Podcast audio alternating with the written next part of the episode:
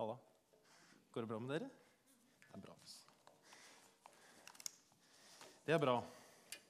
Det gjør i grunnen med meg òg, egentlig. Jeg pleier aldri å si jeg spør jo bare dere. tenker jeg Dere er veldig nysgjerrige hvordan går det egentlig, Martin. liksom. Men uh, det ser ikke så bra ut, liksom. Men japp. Og vips, har vi bilde på veggen. Det er flott. Vi er jo i uh, del tre av fire. Det er liksom tre kvart ut i serien 'Hvor er du, Gud?' Ehm, og for dere som var, var eh, ikke her på, i vinterferien, da var mange andre steder, da hadde vi to, eh, to gudstjenester. Eh, den første hvor jeg taler, og, som er på en måte sånn innledning. Og så var Kristin Lie fra Ytre Randesund misjonskirke. Hun var her forrige søndag og talte om 'Hvor er du, Gud?' og Gud i smerte og sorg. Så er det sånn med de tallene som alle, at de ligger ute på våre nettsider. Så du kan liksom catche opp. Eh, og så er vi i del tre i dag. Eh, og til lørdag så skal det være et seminar eller en temadag her fra klokka 11 til klokka 3. Da er det en som heter Anne Margrethe Mandt Arnfinsen, som skal snakke om hvor er du, Gud, når Gud eh, eh, glimrer med sitt fravær. Det er godt. Det er liksom ikke alt man skriver ned på forhånd. som jeg skal si. Men når Gud glimrer med sitt fravær, skal hun snakke om på lørdagen. og så skal hun liksom, Da er det jo fire timer. Eh, og så det da, skal det komprimeres ned på gudstjenesten klokka 11 på søndagen dagen etter. Så det er veldig bra. Anbefales veldig å komme på den temadagen. Rett og slett høre på Anne Margrethe. Men vi spør jo da hvor er du, Gud? Og Bakgrunnen er egentlig at i vår frikirkelige tradisjon så er vi veldig opptatt av Guds nærvær. Vi er opptatt av å kjenne Gud, vi er opptatt av å merke Gud, vi er opptatt av å føle Gud. Vi strever etter å, å ha gode bønnestunder hvor vi kjenner virkelig at Gud er nær, og han taler rett inn i mitt liv, og det er så bra. Det eh, er et sterkt fokus i frikirkeligheten og i vår menighet. Eh, Men så er det jo sånn at livet går i bølger. Troslivet vårt går i bølger. Eh, Og så kan det være perioder hvor Gud oppleves veldig fjern.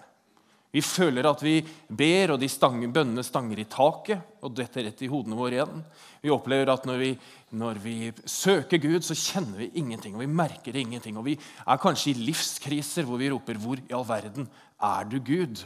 Um, og så er da Temaet i dag er litt sånn Hva kan hjelpe oss, da?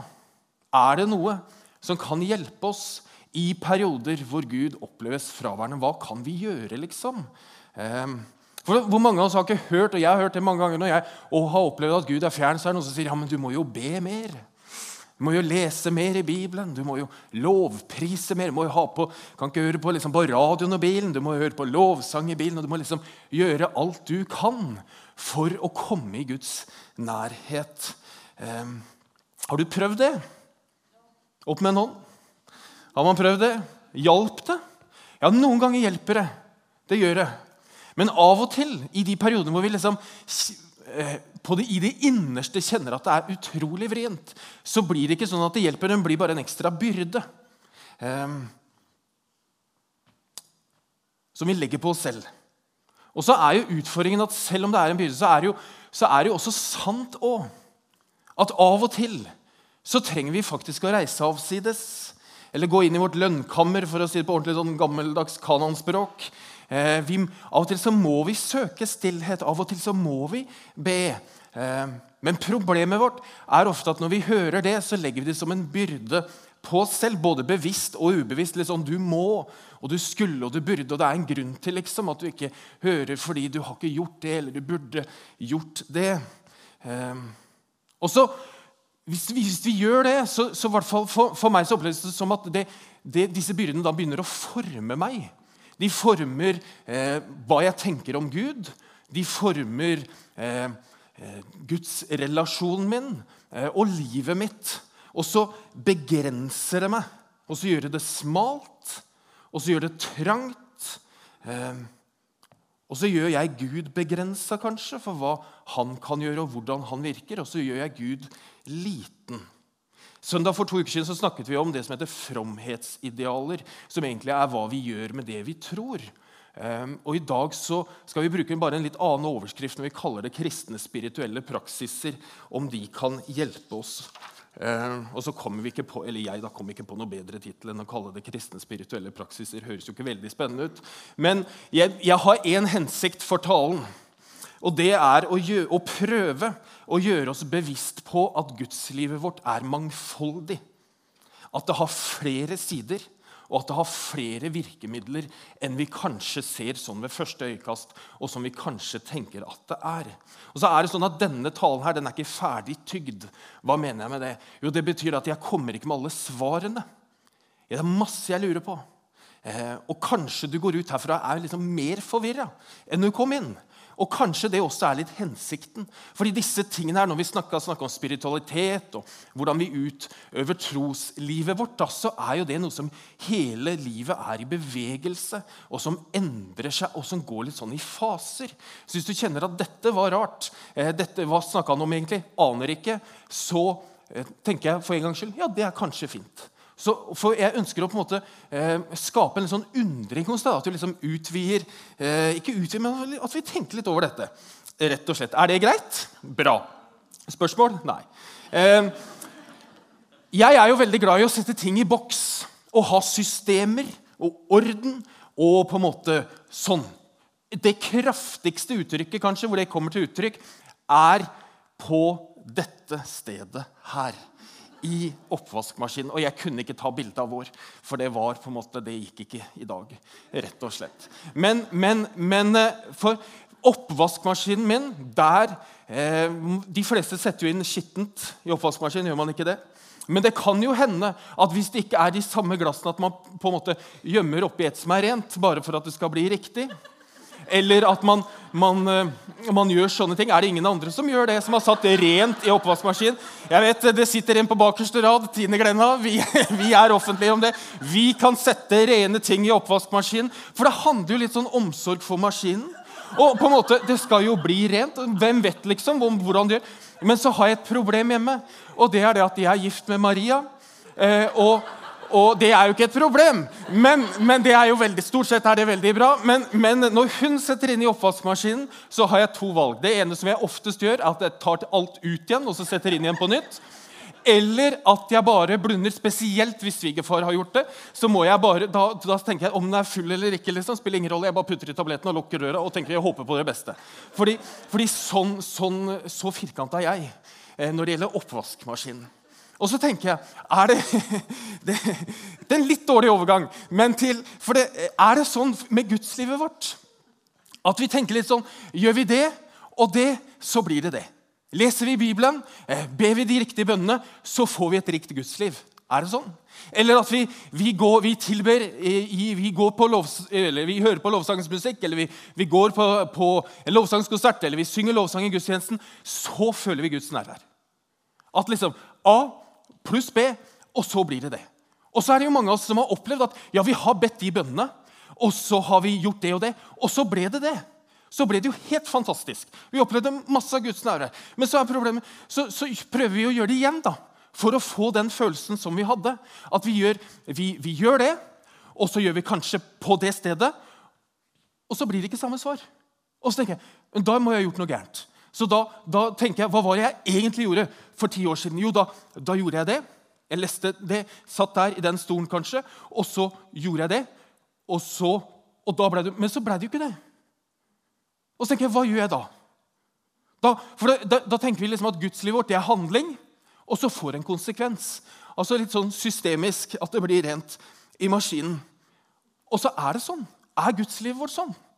Er det på en måte, Vi putter på en tier, på cola Nå er det ikke 10 lenger, da. Det er vel 25 kroner, kanskje. Men det var en tier før da i gamle dager. Putt på 25 kroner, og så får vi ut en cola som bruser over. Det er liksom resultatet. Er det sånn i gudslivet vårt? Det er en som heter Bjørn Øyvind Fjell, som er, eh, har vært lærer og er det litt fremdeles på Ansgarskolen i Kristiansand.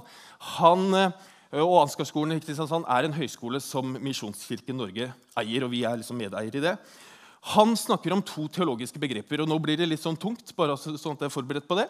For Han snakker om to begreper, og det er eh, håper jeg litt fort, teologia prima og teologia segunda. Teologia prima, det er bønn. Eh, det handler om bønn.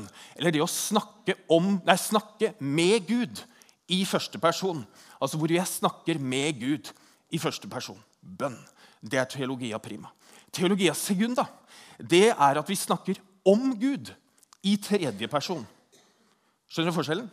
Snakke med Gud i første person. Teologia prima.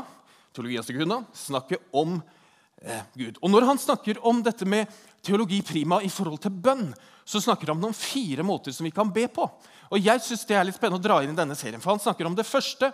Gikk det veldig fort, altså. Gikk det helt bananas her nå? Det første han snakker, er at når vi skal snakke om bønn, så kan vi tenke på bønn som en type kalkulasjon. Hvor Gud gir meg ordre. Når vi ber, så, så gir Gud meg ordre. Eh, og at han er en sånn militær oberst. Da skilles det på en måte mellom, mellom, meg som et subjekt og Gud som liksom den store, hvor han gir meg ordre i bønn. Gjør sånn og sånn. Eh, og at han er på en måte som, han gir en ordre. Og Den andre varianten i kalkulasjonen er at jeg gir Gud ordre. Eh, hvor, hvor, Gud er liksom et middel for meg. Og Ofte så kan vi jo da dra opp løfter blant annet, i Gamle testamentet og si du sa du ga det og det løftet da, og dette, det, så gjør dette nå. Jeg, altså, nå, nå. Du har sagt i ditt ord, Gud, eh, dette og dette. Gjør det. Det er en måte å be på, hvor vi kommanderer Gud. Eh, til og med, ofte med bakgrunn i løfter om at Gud skal gjøre sånn og sånn. Det andre han snakker om, eller det tredje egentlig da, er det eksistensielle konseptet. Når vi ber, så er vi to likeverdige parter, meg og Gud. Vi er liksom kompiser. Og det Jeg har skrevet ideelt ekteskap, kanskje, men hvor vi liksom, vi utveksler ideer. og Vi er litt sånn gjensidige, og liksom du og meg, Gud, vi er liksom kompiser. og Skal vi ordne dette, og, og dette høres bra ut? og ja, ja, ja. Og at det er litt sånn kompisgreiene. Og det siste er det overordnede konseptet. Da er det fremdeles eh, at jeg snakker til Gud eh, på et likeverdig nivå. Men samtidig eh, Men så er eh, Men samtidig så er han Han er herre. Han er herre, mens jeg er tjener. Altså, vi møtes, subjekt til subjekt. Meg og Gud, vi møtes. Men han er herre, og jeg er tjener. Og i denne relasjonen her så gir han oss full frihet til å gjøre hva vi vil.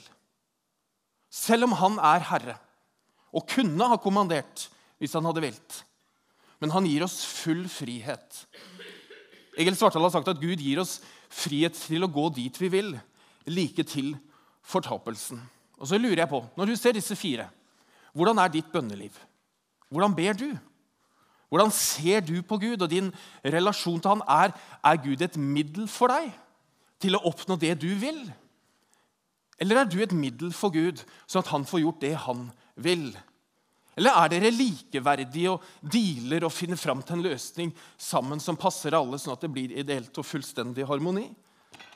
Eller er det en relasjon i ditt bønneliv av fullstendig frihet, hvor han er herre, konge og mester, og du er tjener. Men samtidig så gir han deg full frihet til å gjøre hva du vil. Jeg tror at hva vi svarer på disse spørsmålene her, er avhengig av hva slags gudsbilde vi har, og hva slags gudsrelasjon vi har, og hvordan vi ser på Gud. Og når Vi skal ha, vi skal ha nattvær etterpå, eh, og når vi skal ha nattvær, så leser vi trosbekjennelsen sammen. Det har jeg for øvrig ikke sagt til deg, Magnus, men da må vi ha trosbevegelsen, nei, trosbevegelsen, trosbekjennelsen på veggen. Men, men, i trosbekjennelsen så bekjenner vi troen på den treenige Gud. Hvor Gud, Fader, er skaper. Eh, Jesus er frelseren. Og Den hellige ånd gir liv. Eh, og så er treenigheten vanskelig å forstå. Eh, og relasjonen mellom Gud, Fader, Jesus og Den hellige ånd i, i det treenigheten er jo enda verre å forstå. Og Hvis vi skal snak også snakke om at det er en kjærlighetsrelasjon mellom de tre i treenigheten, så blir det jo om mulig enda verre å forstå. og derfor så, så er det, Men det er jo noen som prøver på det. Og En katolsk teolog som heter Walter Kasper, han har forsøkt på å beskrive noe av dette. Han sier at kjærligheten er et uttrykk for at Gud Fader elsket Sønnen og elsket Sønnen på en slik måte at Sønnen beholdt sin fulle frihet og ble bekreftet i en fullkommen enhet hvor Faderen bekreftet Sønnen for det han var, og ga han full frihet, uten at Faderen ble noe annet. Og dette er treenigheten. Men så er treenigheten også et forbilde for oss i våre relasjoner og i menigheten. Og i fare for at dette da blir forferdelig svevende eh, så kan vi tenke at denne kjærligheten og denne tilliten og denne friheten som er i treenigheten, den kan også kjennetegne deg og din relasjon til Gud og deg og ditt bønneliv. Hva betyr det? Jo, det betyr at Gud han har gitt oss noen gaver. Vi kan kalle det nådegaver, vi kan kalle det naturgaver, vi kan kalle det forskjellige ting. Han har gitt oss det, og så står vi helt fri til å bruke dem hvis vi vil. Han tvinger oss ikke til det. Og så har han gitt oss noen redskaper, noen spirituelle praksiser, som vi skal komme med masse eksempler på etterpå. Eh, noen verktøy som vi kan bruke for å eh, søke Han og for å lære ham bedre å kjenne. Og så kan vi bruke de hvis vi vil. Han tvinger oss ikke til det. Han tvinger oss ikke til noen ting, men han gir oss full frihet til å bruke dem. Altså Det med kristne spirituelle praksiser da, er jo et man kan, kalle, man kan kalle det for et motebegrep. Eh, fordi Frem til sånn, på 1990-tallet så, så brukt, ble ikke det ordet brukt i verken liksom, i faglitteratur eller i teologien eller, eller i menighetslivet. Men, men, de siste 20 årene i menighetsliv så snakker man mye mer om kristen spiritualitet og kristne spirituelle praksiser. Og hva er det? Eh, det er to definisjoner som en som heter Alistair McGraw skriver. Og, sier. Hun sier bl.a. at kristen spiritualitet er den måte som kristne individer og grupper fordyper sin gudserfaring. Og så er kristen spiritualitet hva vi gjør med det vi tror. Altså Det handler om, en, om uh, hvordan vi ser på troen. Det handler om en fordypning av den, hvordan vi bruker den. Eh, altså hva vi gjør med det vi tror. Fordi Det er jo en forskjell på kristen lære og kristen spiritualitet. Altså Det å ha kunnskap om Gud er jo ikke det samme som å kjenne Gud. Ikke sant? Det å erfare Gud det er jo noe helt annet enn å lese teori eller teologi om Gud. Og det å forandre et liv er jo mye mer enn det å snakke om ideer på hvordan det kan se ut. Fordi spiritualiteten handler om hva vi faktisk gjør med det vi tror på. Og så er det sånn at da, med I treenigheten så er Den hellige Henger dere med? Ja. Spørsmål? Opp med en hånd. Ned med den. Men Den hellige ånd er jo livgiveren i treenigheten. Og Det er jo han som da gir liv til troen vår. Vi snakker jo ofte om at det er Jesus, men egentlig er det jo Den hellige ånd som, gir, som puster liv inn i våre liv, og som gir oss gaver, og som taler til oss, og som, er, som gjør at vi opplever at han er nær. Men i vår tradisjon og i frikirkeligheten generelt, hvor vi er så opptatt av dette nærværet eh, som vi har snakka mye om, så fører det til en ting. Og det er at troen fort blir individualistisk. At det handler om meg og Gud. Det handler om meg og min bønnetid. Det handler om meg og hva jeg gjør. Til slutt så handler det kanskje mer om hva jeg føler og tenker, enn hva Gud er. Og Bjørn Øyvind Fjell han kaller dette for et smalt fokus på spiritualiteten. For det blir så individualistisk, og til slutt så blir det litt sånn eh, elitetenkning over det. Eh, når vi har denne smale fokuset på hva det vil si å følge etter Jesus. Men det bredere perspektivet i spiritualiteten har med seg dette smale. Altså at det har med seg det individuelle og så har et stort fokus på fellesskapet. På det å være i en menighet, det å gå på gudstjeneste. Eh, og Det har med seg hele treenigheten. At vi ikke bare snakker om frelse og nådegaver, og, og sånt, men det handler om Gud som skaper. Som i naturen og med miljø og forvalteransvar og politikk og økumenikk, altså felleskirke altså Det har med, liksom seg hele spekteret. Ehm. Så jeg bare skal hoppe over litt. Ja, og så lander vi her. For hva handler dette om? Um, og så ha, har jeg liksom laga en liste over forskjellige typer kristne spirituelle praksiser. Og så, og så kommer det mer eh, eh, i bånn også etter det. Men, men vi, når vi snakker om disse spirituelle praksisene, hva er det jo? Bønn er jo en typisk spirituell praksis. Um, refleksjon, meditasjon og kontemplasjon. Forskjellen på meditasjon og kontemplasjon er at meditasjon da setter man seg ned med en bibeltekst, eh, og så leser man den, og så lever man seg inn i teksten. Da er det sånn at da lever man seg så inn i den teksten at man opplever at man nesten er til stede. Man hører luktene, kanskje.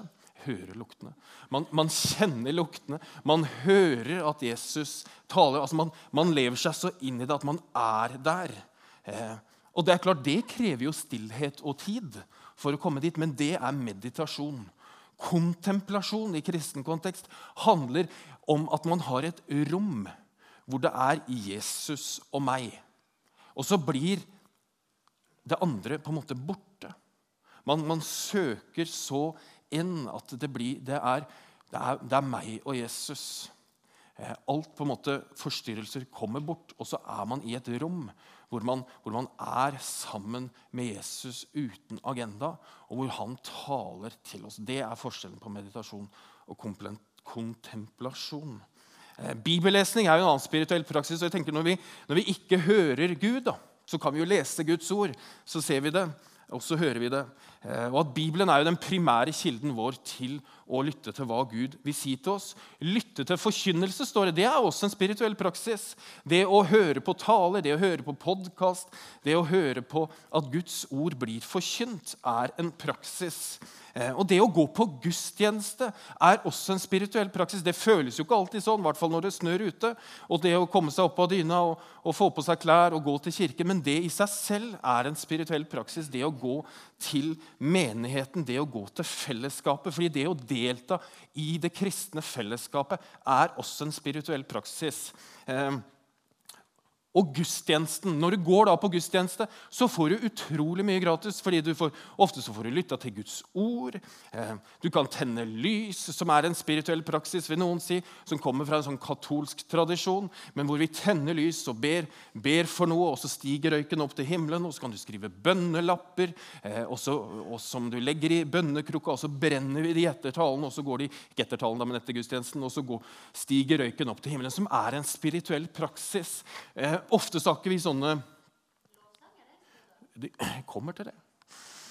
Kommer til, det står ikke på første lista, skjønner du. Men det, men det kommer, ja, kommer, etterpå. Burde hatt det med. Jeg skal skrive det bak øret. Det er bra, det også. Men det kommer. Håper det. Eh, eh, jo, og det, det, er jo ikke ofte vi har bønnevandringer, og sånt, men det, men det, er også en sånn type spirituell praksis hvor vi kanskje legger steiner ved et kors. eller sånne type konkrete ting. Dåp er en spirituell praksis. Her i menigheten så praktiserer vi to forskjellige typer for dåp, nei, to typer dåp altså i forhold til ulike aldre. Vi døper barn metodistisk, og så døper vi, vi voksne eller ungdommer baptistisk. Sånn gjør vi med dåp. Eh, og Så kan du velge hva, hva du vil. Og Nattvær er også en spirituell praksis eh, og en viktig del av det kristne livet. Og nå kommer nemlig det bildet eh, som gjør at Det var veldig mye greier. Men for da, Det er en som heter Alexander Schemann, som er en ortodoks teolog. Og han sier, at, han sier, noe veldig fint om nattverden. Han sier at nattverden er det stedet hvor Kirken krysser over fra denne verden til himmelen. Det er der Kirken blir hva hun allerede er. Syns jeg er veldig fint om nattverden. Vi er så glad i nattverden at vi faktisk til høsten skal forsøke å ha nattverd oftere. Vi skal ha det annenhver uke, hadde vi tenkt. Ehm, fordi, fordi nattverden er viktig for gudstjenesten og for menigheten. Det er en konkret handling. Og så kan man legge mye ulik teologi i hva nattverden er. Men for oss sånn konkret så er nattverden et fellesskapsmåltid med Gud, og det er et fellesskapsmåltid med hverandre. Eh, hvor vi kan se rundt på menigheten, gå til nattverd, og så kan vi tenke på de som har gått foran. Og så kan vi gå til nattverd og tenke på alle de som skal komme etter oss fram til Jesus. Og så er da bønn Veldig mye greier her, altså. Bønn i gudstjenesten eh, er også viktig. Det er derfor vi ber vår far. hver eneste søndag. Eh, og Det er jo en bønn som du kan være med og lese når den står på skjermen, uten at du føler så utrolig mye. Men du kan lese den fordi bønn er en spirituell praksis. Så kan vi be for hverandre, og vi ber for syke, og vi kan bekjenne synder og få syndstilgivelse. Vi kan, Bønn er en viktig spirituell praksis. Og Så står det også det å stå i en tjeneste i menigheten. Det å tjene Gud med de gaver han har gitt oss, det er en spirituell praksis. Når vi, når vi bruker de gavene som Gud har gitt oss, og bruker de i menigheten, så er det en type spiritualitet. Og så har jeg satt på Har jeg ikke skrevet lovsang, Hilde? Har jeg ikke det? Nei, fytti. A meg. Nå står det med så liten skrift på, på, min skjerm at jeg ser ikke hva som står, men, men, eh, men jeg har ikke det. Men klart at det er jo en kjempeviktig del av en spirituell Det er jo en kjempeviktig spirituell praksis, det å være i tilbedelse. Det ligger egentlig under bønn, skjønner du. Men det står bare ikke. Må bare tenke at det er der. Eh, for det er jo en sånn, en sånn bønnerelasjon som vi har i tilbedelse med musikk til. Og så er det jo et liv i tilbedelse av mye man kan si om det. Men vet du hva, det får vi ta, får vi ta i 2019. får vi ta det rett og slett. Men jeg og Torbjørn, snak, som også er pastor her, vi, vi, vi snakka om dette i, i, uka som gikk, og så sa vi det at det en spirituell praksis som vi ikke snakker mye om, men som, men som er utrolig viktig, eh, og som kan hjelpe oss, og som vi faktisk ønsker å bli kjent for, det handler om å, noe så enkelt som å bygge varme relasjoner. At vi er gode med hverandre, at vi viser omsorg. At vi har en sånn radikal kjærlighet som er annerledes. At vi ikke bare har en teori om å invitere noen hjem, og det hadde vært kjekt å invitere noen hjem på kaffe, men at vi faktisk gjør det. At vi går en ekstra mil, at vi støtter de som er svake og utstøtte. Det som vi kaller på et pent ord for diakoni.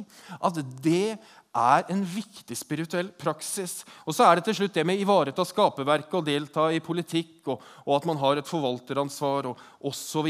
Fordi kristne spirituelle praksiser eh, er ikke bare noe vi gjør. Det er ikke det. De er først og fremst noe som gjør noe med oss. Det kan jo også innebære det. At vi, vi, deltar i situasjoner, eller vi er med i ting hvor det er konflikt, og hvor det er vanskeligheter, hvor vi faktisk får noen smertefulle erfaringer som gjør at vi lærer å elske på tross av. Det er også en spirituell praksis. Og så skal jeg si noe til slutt. I fare for å tråkke noen på tærne. Eh, når vi er i dette spekteret her, så har jeg lyst til å stille et spørsmål. Fordi når du leter etter Gud, og når du spør 'Hvor er du, Gud?' Hvor er det du leter hen? Leter du i de boksene hvor du fant han før? Og så plutselig så svarer han ikke på samme måte her, og så tenker man at da er Gud fraværende. Eller leter vi i det smale perspektivet hvor, eh, hvor vi er så opptatt av det individuelle? For hvis du ser på denne lista her, som jeg nå hoppa over her Åh. På spansk så ville man sagt da 'madre mia'. Eh, men hvis du ser på denne lista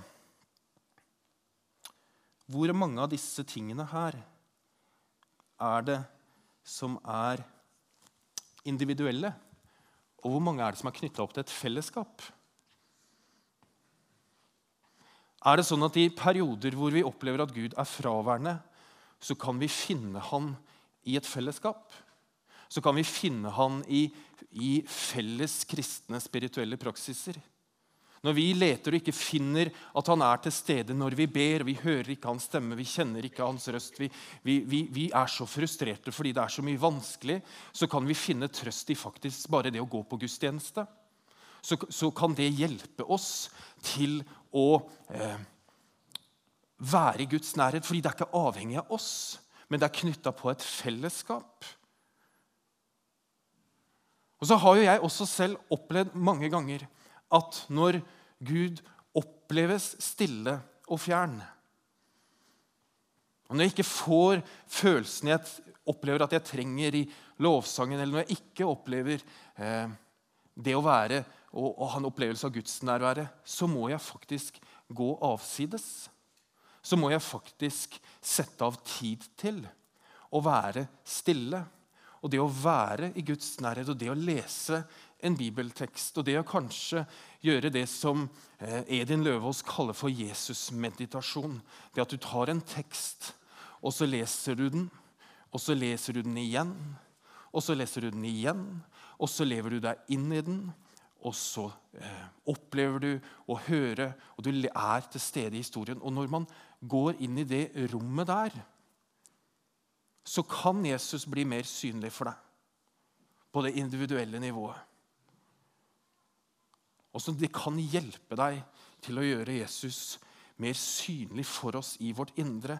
Når som, som, hjelper oss når vi da roper 'Hvor er du, Gud?' Så vet, så vet, vi ja, jeg kan bruke fellesskapets spiritualitet. Jeg kan tenne lys, jeg kan skrive bønnelapper, jeg kan gå på gudstjeneste, jeg kan være i tjeneste, jeg kan delta i politikk, jeg kan engasjere meg i miljøet, jeg kan vite at jeg gjør noe eh, for Gud. Men samtidig så vet jeg også det, at jeg også trenger av og til å gå inn i mitt lønnkammer og søke Guds eh, nærhet, stille over tid. Så kan det da hende at når du spør 'Hvor er du, Gud?' Still deg spørsmålet 'Hvor leter jeg?' Tenker jeg på Gud som en colaautomat, eller hvor vi gjør A pluss B, så får vi C? Eller hva tenker vi om Guds nærværet vårt? Skal vi be en bønn? Far i himmelen, takk for at du er her. Takk for at du er her ved din tilstedeværelse, ved din ånd. Og takk, Herre, for eh, at vi kan søke deg. Takk for at du tar imot oss våre liv sånn som vi har det, og ikke sånn som vi skulle ønske at vi har det. Så snakker vi om noe nå, Jesus, i denne serien her som er vanskelig. For det er så lett å bli tråkka på tærne. Men jeg ber her om at du skal være nådig med oss alle, sånn at vi kan se at Guds relasjon med deg den kan være så bred, den kan være så mangfoldig, at vi har så mange ting eh, og så mange verktøy. Du har gitt oss så mye som vi kan bruke for å tilbe deg.